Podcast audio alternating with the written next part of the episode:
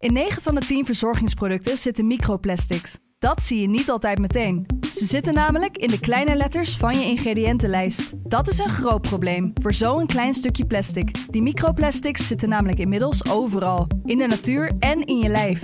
Gelukkig zijn er ook merken die gewoon microplasticvrij zijn. Want dat het anders kan, dat weten we bij Weleda, Lekker Company, Marcel's Green Soap, Naïef, Smaal en Witlof wel. Dus check de kleine letters. Die hebben de grootste impact. Dit is een podcast van de Telegraaf. Dat zette heel veel kwaad bloed bij de PvdA. Die aan de ene kant dus horen van GroenLinks, ook dit weekend weer. We willen samenwerken en samen de strijd aan. En samen in het kabinet en bla bla bla. Maar achter de schermen tijdens de rondvraag even zien dat de partijleider van de PvdA min of meer richting de slagbank wordt geleid. Afhameren met Wouter de Winter. Dinsdag 16 juni 2020. Mijn naam is Kamran Oela en dit is uh, Afhameren. Ik mag u er weer doorheen leiden. Uiteraard afhameren met politiek commentator van de Telegraaf, Wouter de Winter. Uh, Wouter, welkom. Dankjewel. Dit, we, gaan weer van alles uh, deze week doornemen, politieke actualiteit. Ja. En we hebben het al een paar keer gezegd, de campagne komt eraan. Ja. We, zitten, het is begonnen, hè? Nu ja, echt. Ja, en je, je, er was al wat geroezemoes natuurlijk. Maar nu is echt uh, uh, duidelijk dat we de mensen die CDA-lid zijn... Uh, zich kunnen uitspreken over wie een nieuwe leider van het CDA moet worden. Ja. toch maandag een gek genoeg lang verwacht, maar toch onverwacht. Ik weet niet of dat kan, maar toch voelt het een beetje zo.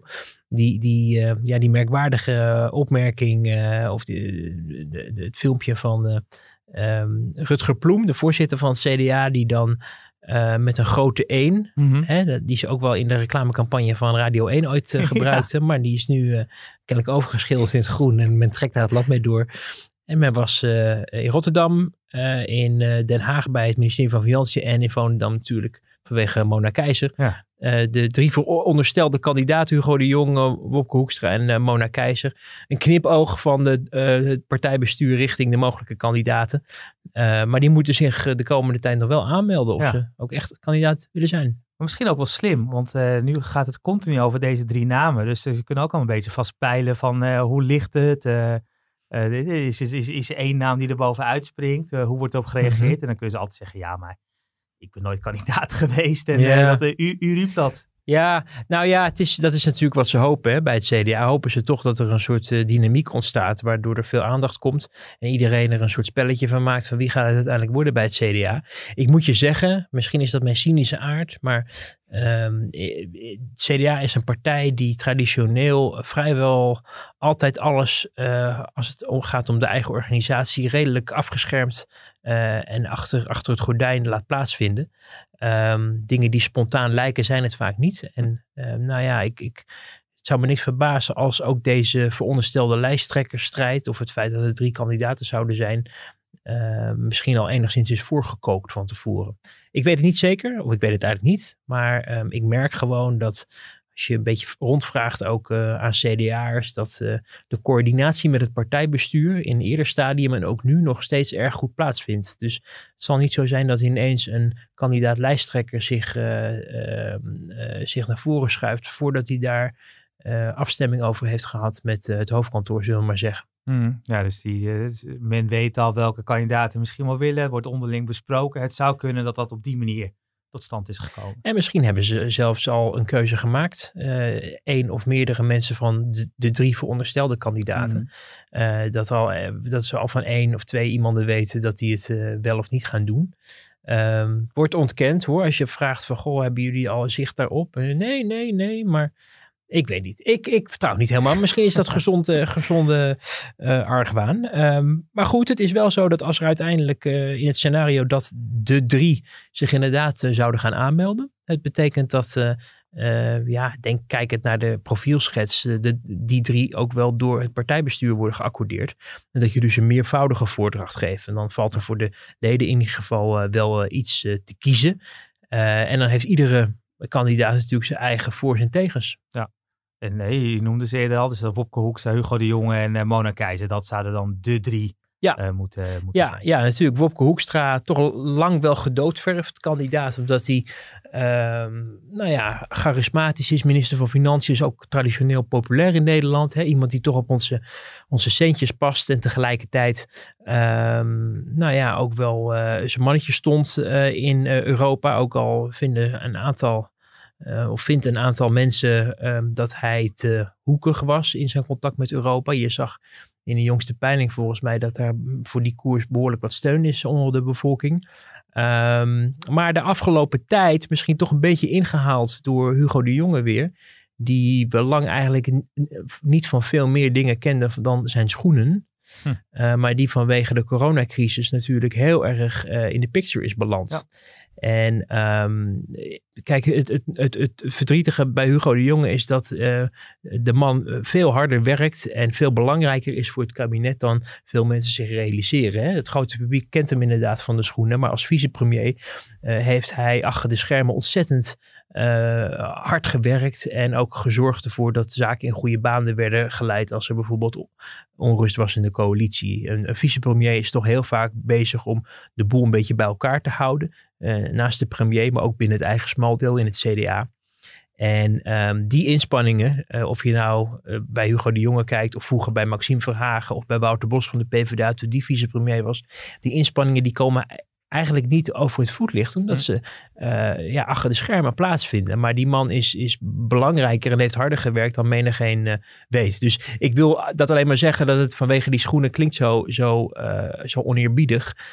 maar goed, het is wel denk ik waar het grote publiek hem in ieder geval van, van mm -hmm. kende. Maar de laatste tijd natuurlijk ook vanwege uh, de coronacrisis. Het feit dat hij het podium deelde met de minister-president. Uh, maar ook daar gelijk ook wel weer een kwetsbaarheid aan ontleent. Namelijk op het moment dat dingen duidelijk worden zijn misgegaan. Bijvoorbeeld in de verpleeghuizen. Dan is hij degene die daar verantwoordelijk voor is. Mm -hmm. Dus daarmee kan hij zichzelf ook kwetsbaar maken in een debat. Als er mensen uit de oppositie uh, over een paar maanden zeggen. Goh, was u niet de man die verantwoordelijk was voor dat hoge sterftecijfer uh, in, ja. in de verpleeghuizen. Verantwoordelijk dan van omdat u niet gezorgd had voor voldoende uh, beschermingsmiddelen. Mm -hmm. En dan hebben we natuurlijk nog uh, Mona Keizer. Um, die zich natuurlijk eerder ook al eens in een lijsttrekkerstrijd wierp. al, alweer, nou, wat zou het zijn geweest? tien jaar, acht, acht jaar geleden? Tien jaar geleden, ja. 2012? Ja, dat, dat zoeken we nog even. Acht jaar, acht jaar geleden, denk ik. Was het de 2012 verkiezingen. Ja, precies. Ja, ja toen. Ja.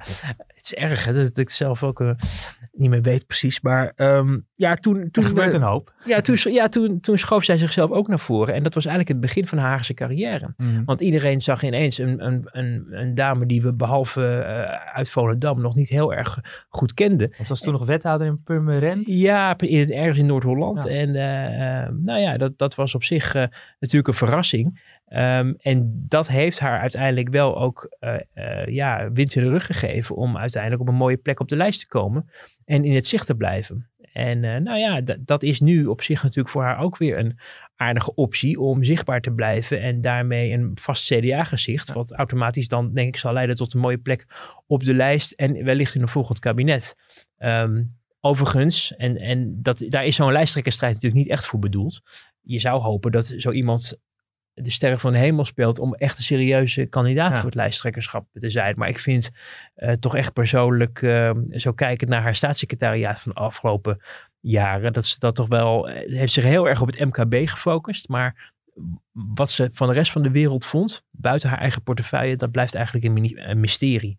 En dat is, vind ik wel jammer, omdat juist haar persoonlijkheid haar zo ver heeft gekregen en zo ver heeft geholpen dat ze uh, op, die, ja, op die plek terecht kwam.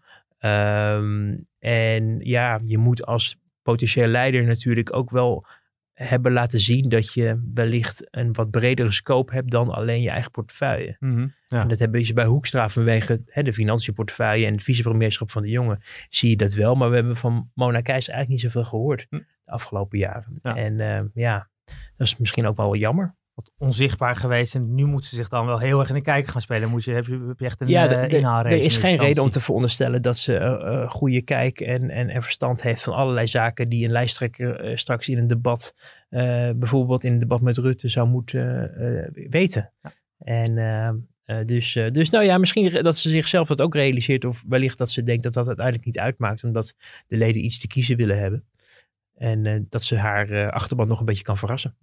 De aanpak lijkt nu wel iets anders. Want we hadden al over 2012. Toen waren er geloof ik vijf of zes kandidaten. Henk Bleker was kandidaat. Nou, die, die, die, die had volgens mij ook een, wat was het, een heerlijk helder Henk als, oh, als God, als ik het ik heb het alweer verdrongen, ja. ja, ja, ja. kan me goed voorstellen. en nou, Buma werd toen uiteindelijk de lijsttrekker. Nou, Mona Keizer, er waren nog een aantal andere kandidaten. Nu is het wel dat de, mensen gaan solliciteren en dan worden er maar een paar kandidaten voorgedragen? Ja, het partijbestuur maakt een selectie aan, uit degenen die zich hebben aangemeld. En kijkt of zij door de, door de, aan het profielschets voldoen.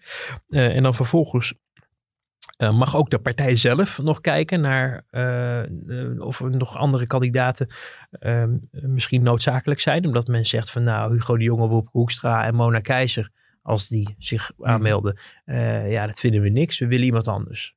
En uh, nou ja, dan zou dat in principe nog kunnen. Dat schijnt in de statuten van het CDA verankerd eh, te zijn dat er ook altijd nog ruimte moet zijn voor een andere kandidaat. Uh, en dan mogen dan vervolgens mensen gaan stemmen van 6 tot 9 juli. Ja. Dus CDA-achterban. En het grappige is dat op die website waar je die lijsttrekkersverkiezing of die lijsttrekkersstrijd min of meer ziet aangekondigd worden, dat je mee mag praten als je lid wordt. Maar als je naar de kleine lettertjes kijkt, staat dat je acht weken lid moet zijn. Ah Wil je mee uh, stemmen in ieder geval. Dus je kan wel mee praten, maar je kan niet mee stemmen. Dus nou, of het heel erg veel leden gaat opleveren, dat vraag ik me af.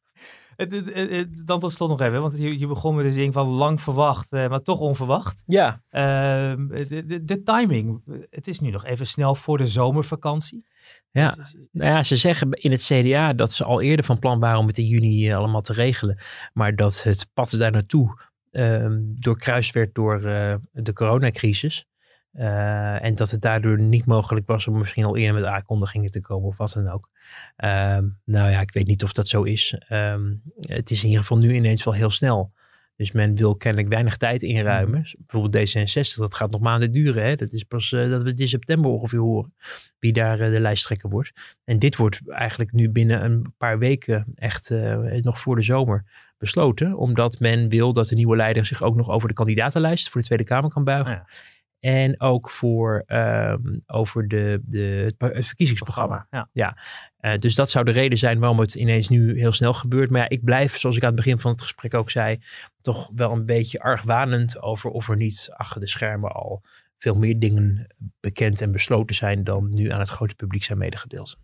Ja, want ergens hoor je ook wel eens van hè, dat effect van zo'n leids, zo'n leiderschapsstrijd, dat dan uh, alle ogen zijn op jouw partij gericht. En dat geeft vaak in de peilingen een boost. En dat geeft weer mhm. een boost dat je weer vaker wordt uitgenodigd, misschien wel bij ja. die talkshowtafels. Dus zo dicht op de verkiezingen. Maar ze wordt hier echt voor gekozen van hè, betrokkenheid intern ook bij. Uh, ja, ze, ze, zijn doodsbang bij het CDA. En dat snap ik ook wel dat het een soort PvdA-strijd wordt. Hè, waarin toch de partij, de zittend partijleider en de vicepremier tegen elkaar opnamen.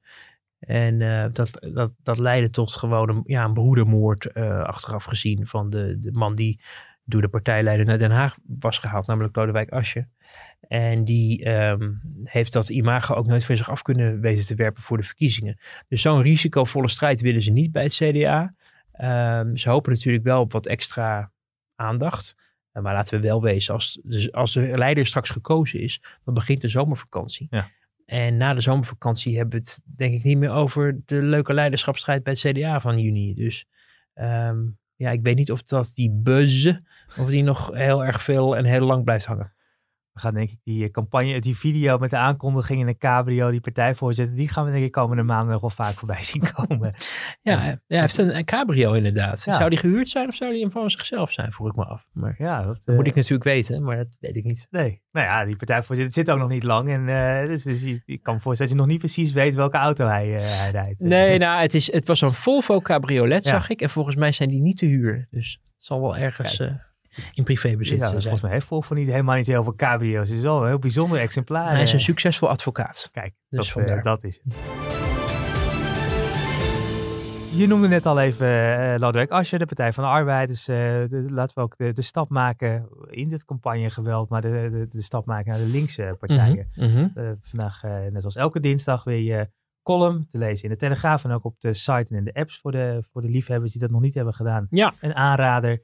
En we gaan het ook over hebben, want uh, het ging over de, Nou, het woord broedermoord viel net, maar volgens mij is de broederstrijd uh, kwam daar ook in voorbij. Je ziet het eens in de zoveel tijd aan de linkerkant van het politieke spectrum gebeuren. Dat men uh, veronderstelt dat als men de handen ineen slaat, uh, dat de wereld dan goed uit komt te zien. En nu zou dat ook in principe natuurlijk kunnen als je daarin gelooft.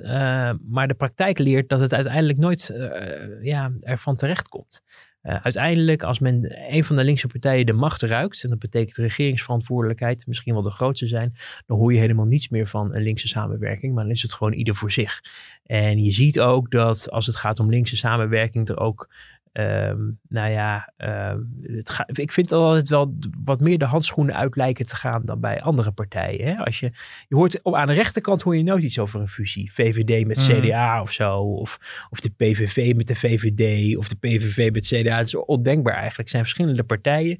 Heel lang geleden, nou ja, een jaartje of 15 is er wel eens gesproken over een, een fusie tussen VVD en D66. Een ideetje wat eh, Mark Rutte toen nog wel zag zitten en Melanie Schultz van Hagen. Maar daarna ook niets meer van gehoord, want uh, Rutte werd nog net niet de partij uitgegooid om zo'n gekke opmerking. En dat is misschien voor de VVD maar goed dat het zover niet is gekomen. Um, maar inmiddels, uh, ja, je ziet aan de rechterkant dat nooit. En daar eh, gaat iedereen toch gewoon uit van zijn eigen kracht. En op links zijn ze dusdanig versnipperd uh, dat ze denken van ja, we moeten samenwerken. Want anders kunnen we die vuist tegen, tegen rechts niet maken. Dus dan krijg je van die gekunstelde persconferenties die we zagen in februari. Waarin Marijnissen, Kla Klaver en Asje dan naast elkaar staan. En iedereen op zijn buurt wat mag zeggen over hoe belangrijk ze het vinden dat er links wordt samengewerkt. Zijn er toevallig ook PvdA's vanavond? Ja! En uh, SP'ers? Okay. Heel misschien ook uh, GroenLinksers? En zijn er ook mensen vanavond die verandering willen? Ja! Ah, geweldig. Maar wat gebeurde er nou de, de, de afgelopen maand, eind, uh, eind mei, um, in een debat over de kinderopvangtoeslag? Toen, heeft, uh, uh, toen kreeg Henk Nijboer van de PvdA kreeg de volle laag van uh, de GroenLinkse Kamerlid Snels. want Lodewijk Asscher die zou persoonlijk ook een dikke vinger in de pap hebben gehad bij de harde aanpak van toeslagfraude. En dat werd hem min of meer een beetje door een publicatie ergens die dag en daarna volgend in de Kamer door een aantal Kamerleden echt ingevreven. Mhm. En GroenLinks liep daarin voorop en dat was heel opvallend. maar vandaag zien we ook het nieuws bij Follow the Money. Weet je, weer onderzoeksjournalisten. Uh, en daaruit blijkt dat minister Ascher van de hoed en de rand wist. Dat hij wist hoe hard dit beleid aanpakte. Dat hij bezig was met wetswijziging. Nu niet over de hardheidsclausule, maar over uh, het financieringsstelsel. Met als doel het snoeiharde beleid terugdringen. De eerste heer Nijboer het met mij eens dat als minister Ascher gewoon zijn werk had gedaan en die wetswijziging had ingediend, dat er heel veel ellende voor heel veel ouders hadden kunnen voorkomen. Nou, eh, nu kan dat natuurlijk, want Asscher is bewindspersoon geweest. En hij is natuurlijk ook verantwoordelijk voor die tijd. En uh, uh, daar mag je ook verantwoording over afleggen. Mhm. Wat wist hij daarvan?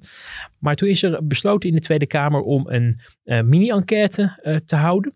Waar, op voorstel van overigens GroenLinks. En de hele Kamer was het daarmee eens. Waarin uh, de rol van topambtenaren en bewindspersonen onder de loep wordt genomen. Waardoor zij dus ook naar de Kamer moeten, in die enquêtezaal. En verantwoording moeten uh, afleggen over wat wisten zij en waarom hebben zij uh, bepaalde besluiten genomen of adviezen gegeven. In het geval van de topambtenaren.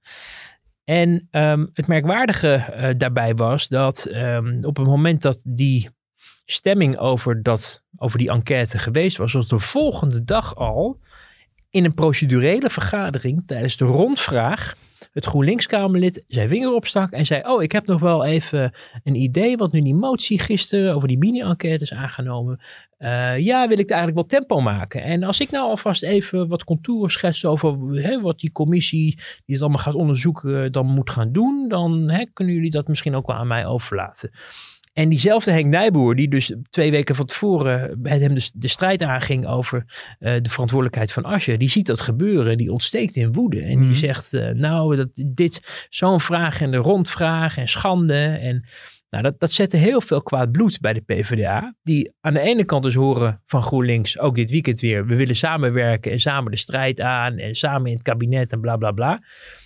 Maar achter de schermen tijdens de rondvraag even zien dat de partijleider van de PvdA min of meer richting de slagbank wordt geleid. Want wat, wat, kan er, hè, wat zal dat voor indruk geven aan de kiezer als Lodewijk Asscher als een soort medeschuldige van het toeslagdrama hm. even vlak voor die verkiezingen in, het, in het bankje wordt gezet? Een soort beklaagde bankje waar je ondervraagd wordt en, en dat Precies. beeld dat blijft hangen. Ja, en je hoort dus ook bij de PvdA uh, en, en niet van de minste dat een dergelijke actie van GroenLinks niet gebeurd kan zijn zonder de instemming vooraf van partijleider Jesse Klaver. Omdat dit gaat op de een echt een keiharde aanval op de integriteit van uh, Lodewijk Asscher. Wat je ook van, kan, kan vinden of straks kan vinden van zijn rol bij die toeslagen. Uh, maar dat het zo ontzettend detoneert bij hè, we kijken ons eens gezellig op links samenwerken en één club vormen. En niet aan scorepolitiek mm doen scorebordpolitiek. En de volgende dag uh, ja, ga je Lodewijk Asscher eventjes uh, kiel halen.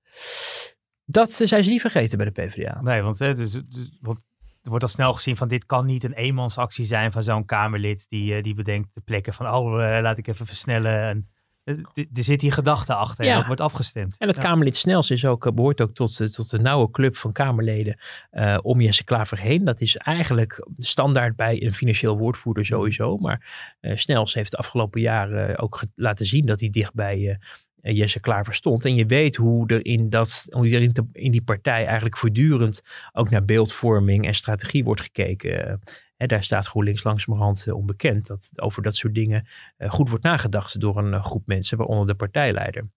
Um, dus nou goed, dit hebben ze bij de PvdA natuurlijk ook wel ja, goed gezien en goed onthouden. En ik voorspel je dat als het straks erop aankomt en de PvdA de kans krijgt om de leider op links te leveren. Want die kans zal het misschien wel opgaan straks. Mhm. Als Rutte hoog blijft staan. Hè, dat je weer zo'n rechts-links strijd krijgt dan uh, denk ik dat uh, de PvdA vooral bezig is met de eigen club. En zeker niet met de linkse samenwerking.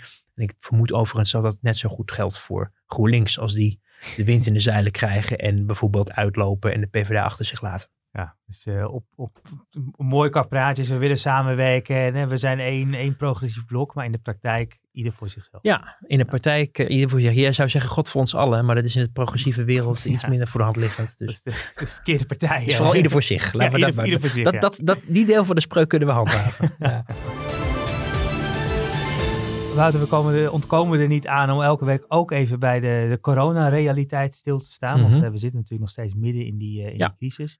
Uh, nu ze voor drie dagen op reis zijn de IC-cijfers iets omhoog gegaan. Dus her en derde alweer van oeh, de alarmbellen, gaan die al af of niet? nou, minister De Jonge heeft gezegd nee, het corona-dashboard, daar gaan de bellen nog niet, uh, nog niet op ja, af. Ik, ik zag ook wat negatieve reacties van mensen die zeiden van uh, hè, wat, een, uh, wat negatieve berichtgeving ja. of zo. Dat is denk ik een gevoel wat we misschien allemaal in ons, in ons onderbuik wel voelen van we willen eigenlijk niet het slechte nieuws horen hierover. Nee. Want we hadden nog niet het idee dat we weer een beetje op krachten waren gekomen van die uh, ja, toch een beetje semi-opsluiting van de afgelopen maanden. Sportscholen dus, gaan bijna open. Ja, Misschien straks de volledige horeca. Uh, verpest het feest nou nog nee, niet. Hè? We, zitten nog, we zijn nog een, net een beetje aan het, op het terras aan het zitten. En we zijn niet van plan om wel weer ons opgesloten te voelen.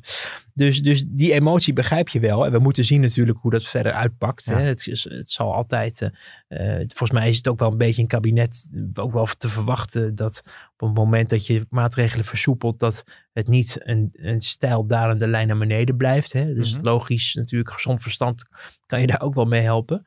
Um, maar um, je merkte wel, en, en dat vond ik eigenlijk een alarmerender dan de cijfers van de afgelopen mm-hmm. dagen. Uh, hoewel ik het woord alarm nu gelijk wil um, uh, downplayen. Dat maar, klinkt weer heel erg. Ja, dat klinkt ook weer zo gevaarlijk. Alarmerend. het lijkt de racisme-discussie wel. ik heb niks meer zeggen. Um, nee, um, de minister-president afgelopen vrijdag in zijn persconferentie. Mm-hmm. Die begon zijn persconferentie met nog maar eens te benadrukken hoe belangrijk het is om de handen te wassen en om afstand te houden. Als we dat allemaal doen en we houden ons op het terras en in het theater en, en waar nu ook de verruimingen zijn aan de afspraken, dan is de kans het grootst dat op 1 juli kan wat we op 1 juli op de routekaart hebben staan. Maar het is geen gegeven. Het kan ook zijn dat de cijfers verslechteren. En we tot de conclusie moeten komen dat het niet kan. Dus echt mijn oproep is aan mezelf, aan jullie, aan iedereen die kijkt.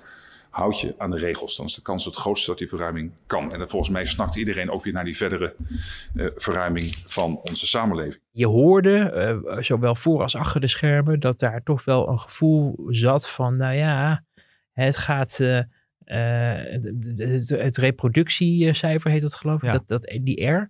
Er is één, hè? dat betekent dat één iemand één ander iemand besmet. Precies, en die wil je liever minder hebben, Ja. maar die begon wel gevaarlijk dicht te kruipen naar een plus. Dus 1,1 of zo. Ja. En dat daar wel zorgen over was, want dan zit je wel, begin je wel de signaalwaarde te overstijgen dat het virus zich weer aan het uitbreiden is in Nederland. En het aantal besmettingen kan er natuurlijk ook exponentieel weer door toenemen. Dus eh, daar was wel wat voorzichtigheid over. En er werd ook wel nadrukkelijk bij gezegd dat het nog helemaal geen uitgemaakte zaak was of we op de versoepelende weg blijven. Kortom, dat geldt voor 1 juli. Dan gaat het dus om uitbreiden naar, naar 100 voor restaurants, maar ook voor theaters. Eh, De sportschool natuurlijk, de casino's eh, komen eraan. Ehm, en ook de reisadviezen die, eh, nou ja, over twee weken nog eens, eh, kleine twee weken tegen het licht worden gehouden. Om te kijken of die misschien eh, versoepeld moeten worden naar bepaalde landen. Maar dat je dus wel merkte op die vrijdag dat er een voorzichtigheid Hm. ineens werd ingebouwd. Weer van, let op, het is nog geen zekerheid dat datgene waar we wel op voorsorteren ook echt doorgaan. Ja. En vervolgens, even verder kijkend, naar een verdere versoepeling. Want een restaurant kan misschien ook wel meer dan 100 mensen ontvangen. Dus wanneer ga je die volgende stap dan zetten? En dat geldt ook voor de theaters. Hè? Albert Verlinde en zo. Die willen natuurlijk veel meer mensen ontvangen in, hun, in hun grote theaters. Ehm, en dat daarvan klonk van nou, we weten nog helemaal niet of we wel doorgaan met het versoepelen. Want het 1 juli pakket is aangekondigd, dat dat het voornemen is. Maar er komt altijd zo'n bekrachtigingsmoment. Hè? Ja. Dus dat, 24 eh, juni, Ja. juni eh, komt, komt de, de, de, de bekrachtiging eh, daarvan. En dan is het vervolgens de bedoeling dat als er nog andere dingen kunnen, dat dan daarna, begrijpen we, eh, door een soort kernteam van het kabinet, want het kabinet gaat natuurlijk ook in principe een, een maand op vakantie, eh, dat dat alert blijft eh, met een grotere bezetting ook in Nederland en wellicht nog in die zomerperiode nieuwe versoepeling bekend kan maken of verscherping. op als het nodig is. Ja. Ja. Dus dat is een beetje het, de timetable die ze voor zichzelf hebben afgesproken. Maar goed, en nu is de, de Rutte in zijn duiding en in zijn beschouwing van eh, wat er nu mogelijk is, wat er straks mogelijk is, heeft hij wel vaker een wat, ja, vond ik wat wiebelige koers gevaren. hè. De ene week komt er gewoon helemaal niks en drie weken later ligt er een hele eh, eh, routekaart tot en met september. Dus je kan je ook laten verrassen. Maar dat er achter de schermen wel even werd gekeken van nou, even opletten, dat, dat mogen duidelijk zijn. Het is natuurlijk ook spannend. Hè? We zitten nu half juni. We hebben dat 1 juni pakket gehad. Ja. En, en daar moet nu een beetje de resultaten van duidelijk worden van... Hey, wat is de impact daarvan geweest? Hè? Dat van iedereen die meteen massaal het terras op ging. Of naar de Efteling of Ja, naar de dierentuin. Hoewel, hoewel de, de, de massaliteit van het terras. eh, eh, dat, ik hoor dat de mensen, ik weet niet of jij dat ook ervaart, maar ik hoor aan alle kanten dat mensen daar toch eigenlijk wel verbaasd over zijn. Dat die terrassen dus helemaal niet vol zitten. Nee, ja. En dat merken wij in Den Haag ook. We hebben uitzicht op het plein en die, dat, dat, die pleinterrassen hebben ze nog wat groter gemaakt. Eh, maar ik merkte, het, ik merkte het gisteren, dit weekend ook, ehm, dat de uitpuilende terrassen of de wachtrijen voor de terrassen eh, in ieder geval eh, in Den Haag en Amsterdam wel meevielen. Ja. Omdat mensen kennelijk toch denken van nou, het kan ook wel zonder dat terras. Of ehm, er is misschien een risico wat we nog lopen. Ehm, en dat is natuurlijk slecht nieuws voor de horecaondernemers. Ehm, maar het geeft ook wel aan dat er, denk ik, bij een groot deel van de bevolking ook wel echt iets veranderd is sinds die crisis losbarstte. ja, toch de voorzichtigheid eh, zit, zit erin. En, Ja. eh, maar ik zie ook de flexibiliteit tegelijkertijd. Ik zie ook, eh, bij mij om de hoek zit ook een terras. En dat wordt ook, is de afgelopen dagen ook wat groter geworden. Nog een paar parkeerplaatsen. Ja. eh, en zijn niet in- allemaal alle tafels allemaal bezet? Eh, er zijn momenten dat het wel, eh, dat het wel echt vol zit. Ja. Maar dat is ook, het waren ook een paar prachtige dagen. ja. En nu is er ook weer een nachtcafé. Die, die zijn, die mogen nu ook. ik woon echt de hoek bij Café Nol, heel bekend. Oh, ja. en die mogen dus nu ook open in de, in de avonden. Alleen buiten dus. Op een, dus die krijgen ook terras. Dus Buiten, in het, het nachtcafé ja, buiten. een nachtcafé buiten. Ik ben heel benieuwd hoe dat tot ge- weer jij- de buurt, gaat dus, leiden. Ja, nee, ik, als ik volgende week met kleine ogen zit, dan heeft het daarmee eh, ja. te maken. Maar wat jij zegt, die voorzichtigheid is er wel echt ingeslopen. Ja, Eh, en je hoort ook over mensen op vakanties natuurlijk. Hè? Dat mensen eh, ook, eh, tenminste ik hoor het, ik hoorde het vandaag ook weer toen ik ergens was, van nou, we blijven gewoon thuis. mm.